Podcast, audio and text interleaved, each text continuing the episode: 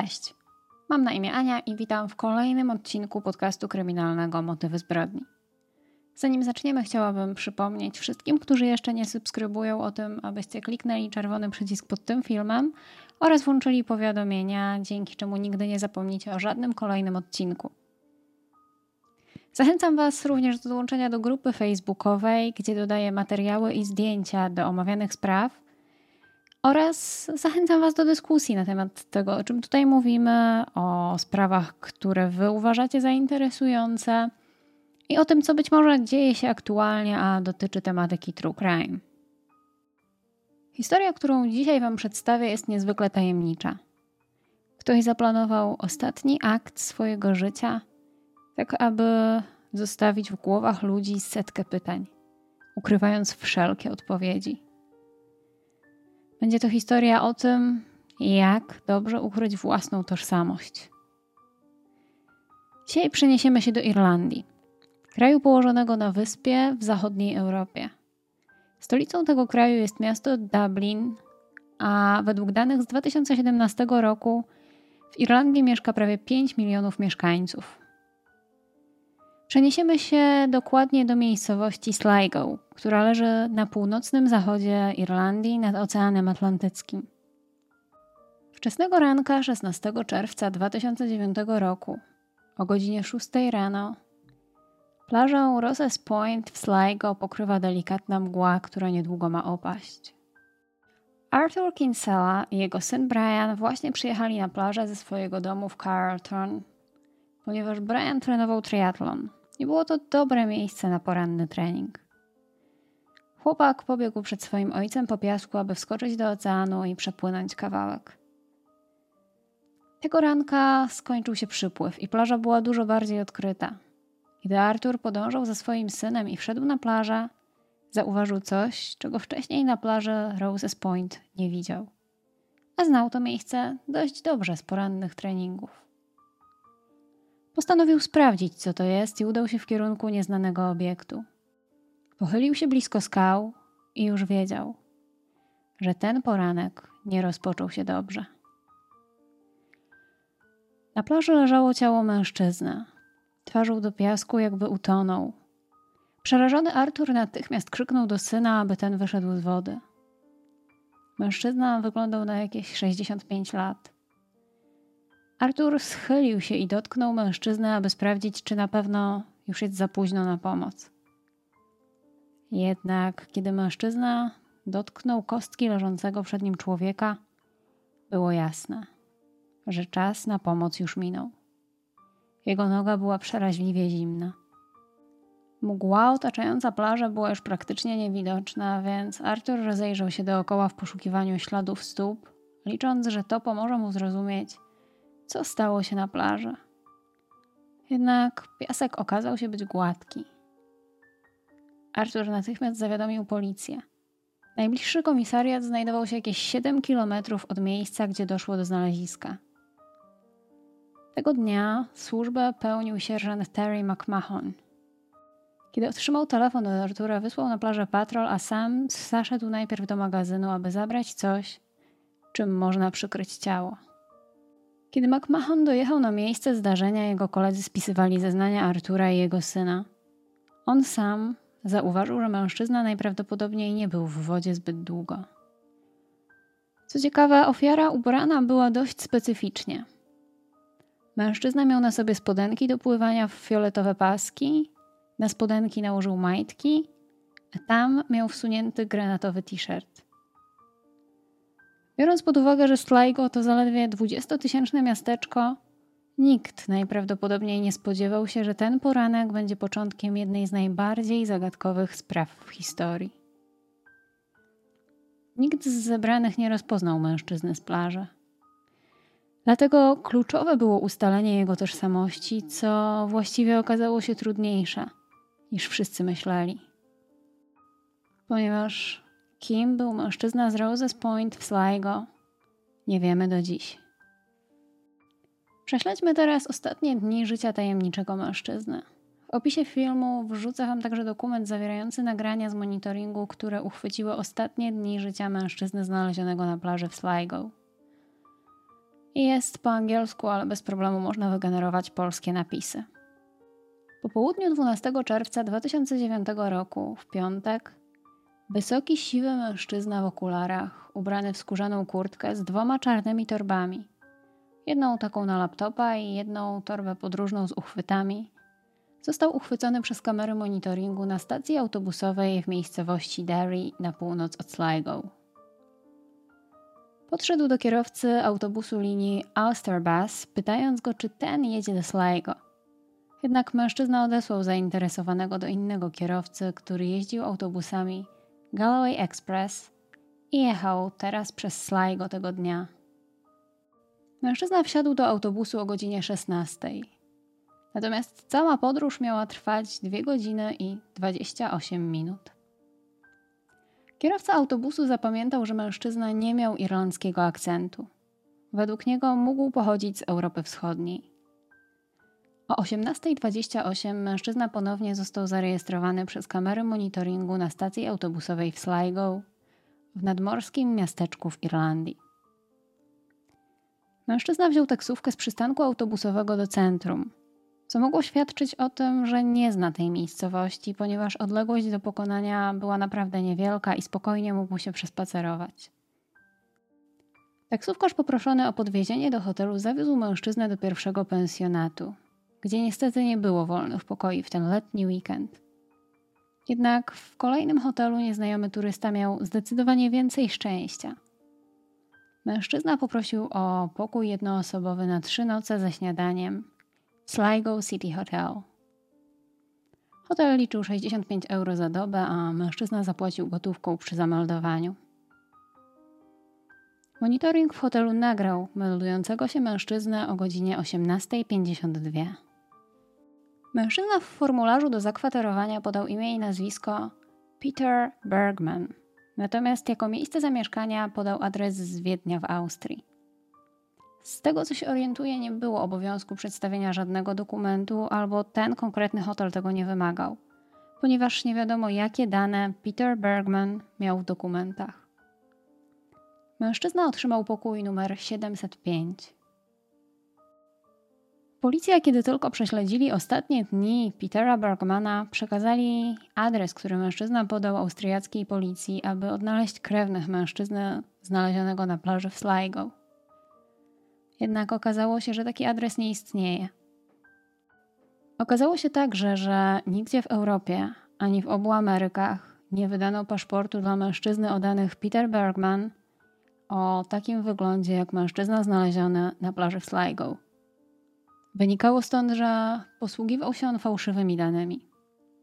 Nigdy nie udało się ustalić, jak Peter Bergman dostał się na teren Irlandii. Przez kolejne dni Peter Bergman codziennie około 8.30 był widziany na śniadaniu w hotelu, po czym wracał do swojego pokoju. Następnie kilkukrotnie wychodził i wracał do hotelu.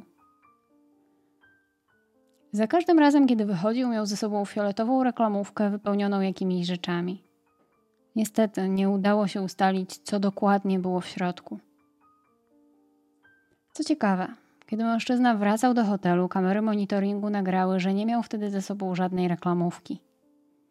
Wynika stąd, że mężczyzna wynosił jakieś rzeczy, być może chciał pozbyć się wszystkich swoich rzeczy osobistych. Nie wiadomo dokładnie, jaki był cel jego spacerów po Sligo, ani gdzie zostawiał rzeczy z reklamówki. Policja przeszukała całe Sligo, kosze na śmieci, ogrody prywatnych posesji, miejsca publiczne, parkingi, a nawet lokalne wysypisko. W nadziei, że odnajdą chociaż część rzeczy, które tajemniczy mężczyzna wynosił w fioletowej reklamówce. Mogło to pomóc ustalić, kim właściwie był Peter Bergman. Jednak nie natrafiono na żaden ślad. W sobotę około 10.49 Peter Bergman udał się na pocztę w Sligo, gdzie zakupił 8 znaczków pocztowych po 82 centy i naklejki lotnicze. W tamtym czasie takie znaczki kupowano, aby wysłać listy za granicę. Natomiast, aby wysłać pocztę w Irlandii, kupowało się znaczki po 52 centy. Wydawało się wtedy logiczne, że mężczyzna planuje wysłać kilka listów. A to mogło świadczyć o tym, że miał jakichś bliskich, znajomych czy też rodzinę. którzy powinni się dowiedzieć, co spotkało Petera Bergmana, a także pomogłoby ustalić, kim rzeczywiście był. Jednak policji nie udało się ustalić, kiedy listy zostały wysłane, gdzie, ani do kogo, ani też, czy w ogóle zostały wysłane. Mogłoby się wydawać, że Peter Bergman uważał na to, co robi. Kamery monitoringu w Sligo, których było w tamtym czasie sporo, nigdy nie uchwyciły momentu, kiedy mężczyzna z kimś rozmawia, wykonuje połączenia telefoniczne, pozbywa się rzeczy z fioletowej torby, czy też wysyła te listy. Nikt z mieszkańców Sligo nie zgłosił się także z informacją, że widział Petera Bergmana pozbywającego się swoich rzeczy z fioletowej torby. Jeden z policjantów biorących udział w śledztwie sądzi, że Peter Bergman mógł być kiedyś wojskowym bądź policjantem. Z racji, iż w doskonały sposób pozostawał niezauważony, potrafił zupełnie nie zwracać na siebie uwagi. W sobotę jedna z pokojówek nie mogła dostać się do pokoju numer 705, aby go posprzątać i zgłosiła to swojej przełożonej. Kiedy kobieta poszła sprawdzić, co się dzieje, pukała kilkukrotnie do drzwi, jednak nikt się nie odzywał. Wtedy postanowiła otworzyć drzwi i wejść do środka. Kiedy je otworzyła, weszła, okazało się, że mężczyzna był w swoim pokoju przez cały ten czas. Sprawiał wtedy wrażenie takiego bardzo zaskoczonego. Stał przy drzwiach i wydawało się, jakby zamarł na sekundę i patrzył na kobietę, która weszła do środka. Miała ona wrażenie, że mężczyzna patrzy na nią tak, jakby ta przyłapała go na czymś, czego nie powinien robić. Kobieta wspomina, że miała wrażenie, że Peter Bergman poczuł ulgę, że nie był to ktoś inny, tylko obsługa hotelu. Niedziela była ostatnim dniem, jaki Peter Bergman w całości miał spędzić w Sligo. Około godziny 11 Peter zaczepił mężczyznę w taksówce z mapą w ręku. Wskazując rejon Strand Hill, zapytał, gdzie może znaleźć spokojną plażę w tamtej okolicy, gdzie mógłby trochę popływać. Taksówkarz wskazał mu wtedy plażę Roses Point, mówiąc, że jest ona bardziej spokojna niż plaża w rejonie, który wskazał Peter na mapie. Mężczyzna poprosił o podwiezienie na tę plażę. Usiadł obok kierowcy i był całkiem rozmowny. Pytał, czy można dostać się tam autobusem. Taksówkarz powiedział mu, że autobus na Roses Point jeździ co godzinę. Peter powiedział taksówkarzowi, że jest z Austrii. Mężczyzna wspomina także o złotym zębie, który faktycznie został później w trakcie badań znaleziony w prawym, w prawym górnym rogu szczęki Petera Bergmana. Kiedy dojechali na miejsce, Peter nie udał się, aby popływać tak, jak mogłoby się wydawać. Pojeździli chwilę wokół Roses Point, taksówkarz pokazał mu dwie plaże, aż w końcu zatrzymali się na parkingu. Peter wydawał się zadowolony, jednak nie udał się w kierunku wody, a zapytał, czy taksówkarz może podwieźć go na dworzec autobusowy. Tak też się stało. Mężczyzna wręczył Peterowi swoją wizytówkę w nadziei na kolejne kursy z sympatycznym turystą. Peter zapłacił 20 euro. Obsługa hotelu wspomina, że Peter nie rozmawiał za bardzo z innymi ludźmi. Raczej trzymał się z boku, nie ucinał sobie krótkiej rozmowy z recepcjonistką czy innymi gośćmi. W poniedziałek rano Peter Bergman podszedł jeszcze raz. Poniedziałek rano Peter Bergman poszedł do recepcji i zapytał, czy może się wymeldować później. Oznaczało to, że mógł zostać w pokoju jakieś dwie godziny dłużej. Poprosił o możliwość wymeldowania się około 13.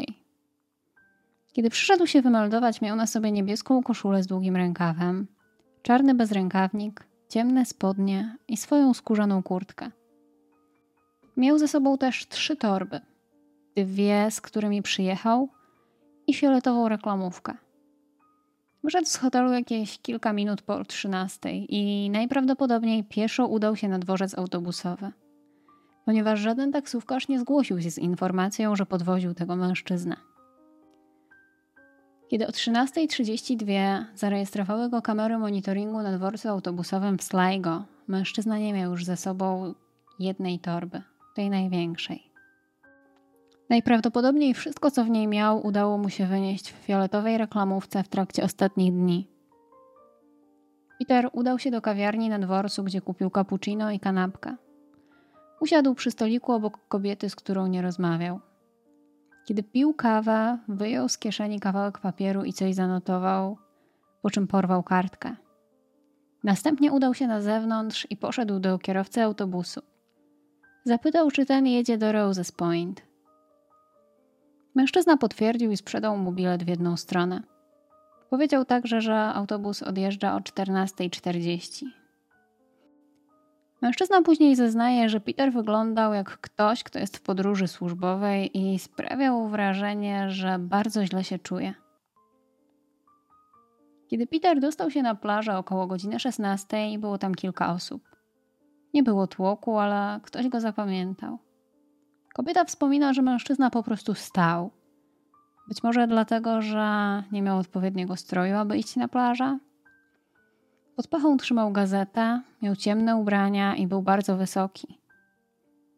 Później ten sam mężczyzna przechadzał się wzdłuż plaży i wyglądał inaczej, jakby zupełnie nie pasował do otoczenia. Około 17 mężczyzna był widziany przy jacht klubie. Później widziała go kobieta, kiedy miał podwinięte spodnie i chodził ze stopami zanurzonymi w wodzie po kostki, z rękoma założonymi na siebie z tyłu. Był wtedy zachód słońca. Późnym wieczorem Peter był widziany przez parę, która wracała do domu z przyjęcia urodzinowego, ciągle będąc na plaży. Około 22.30 Peter był widziany ponownie z fioletową reklamówką i okularami. Następnie widziano go jeszcze o 23 z reklamówką. 10 minut później był widziany siedzący na ławce i patrzący w kierunku plaży. Ciągle miał ze sobą swoją reklamówkę i okulary. Po raz ostatni Peter Bergman był widziany o 23.50 przez kobietę. Miał wtedy w ręku reklamówkę i spacerował wzdłuż plaży. Wiemy już, co się stało następnego dnia. Ubrania Petera były złożone w kostkę na plaży. Wszystkie miały wycięte metki, jakby miało to jeszcze bardziej utrudnić identyfikację tego mężczyzny. Po zbadaniu ciała znalezionego na plaży nie stwierdzono udziału osób trzecich. Nie doszło także do utonięcia w słonej wodzie. Okazało się jednak, że Peter miał bardzo zaawansowanego raka prostaty oraz miał guza na kości. Miał wcześniej też lekkie ataki serca. W jego krwi nie odnaleziono śladów brania jakichkolwiek leków przeciwbólowych, takich jak choćby aspiryna, czy też leki oparte na opiatach, co było bardzo dziwne przy tak wielu chorobach w tak zaawansowanym stanie. Wynikało z tego, że Peter najprawdopodobniej ciągle odczuwał bardzo silny ból. Ostatecznie okazało się, że mężczyzna zmarł na atak serca. Nie udało się ustalić, co wydarzyło się w ostatnich chwilach jego życia. Jednak pewne jest, że Peter Bergman wiedział, że coś się wydarzy. Istnieje możliwość, że mężczyzna popełnił samobójstwo i chciał się w ten sposób pożegnać ze swoim życiem. Tylko dlaczego tak bardzo dbał o to, aby nikt nie wiedział, kim jest? Wydaje się, że Peter Bergman miał własny plan na to, jak zakończyć swoje życie. Życie tajemniczej osoby, znanej dziś jako Peter Bergman. Włożył tak wiele wysiłków w to, aby nikt nie dowiedział się, kim jest. A dzisiaj jest to jedna z najbardziej znanych zagadek na świecie. Mnie chyba najbardziej w tej sprawie ciekawi fakt, że nikt tego mężczyzny nie szuka. Czy był aż tak samotny? Czy nie ma na tym świecie nikogo, kto jest zaskoczony tym, że Peter Bergman albo kimkolwiek był, nie wrócił do domu, nie wrócił z podróży?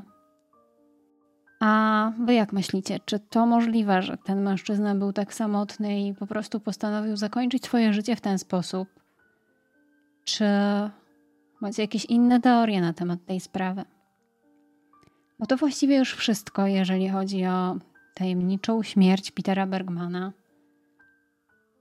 a raczej mężczyzny podającego się za Petera Bergmana. Dajcie znać, czy historia Wam się podobała, mimo że nie była ona dziś bardzo kryminalna, ale mamy tu dość dużą tajemnicę. I powiedzcie też w komentarzach, co właśnie Wy na temat tej sprawy myślicie, bo jestem bardzo ciekawa, czy może słyszeliście gdzieś o innych teoriach, może słyszeliście jakieś informacje o tym, co faktycznie mogło się wydarzyć i dlaczego mężczyzna chciał się pożegnać ze swoim życiem w taki właśnie sposób. Pamiętajcie o dołączeniu do grupy facebookowej, gdzie zobaczycie dodatkowe materiały, zdjęcia i, i źródła, których używałam do publikacji tego filmu. A także pamiętajcie o zostawieniu łapki w górę pod warunkiem, że Wam się podobało. Dziękuję za wysłuchanie do końca. Dbajcie o siebie, dbajcie o swoich bliskich i do usłyszenia w przyszłym odcinku. Cześć!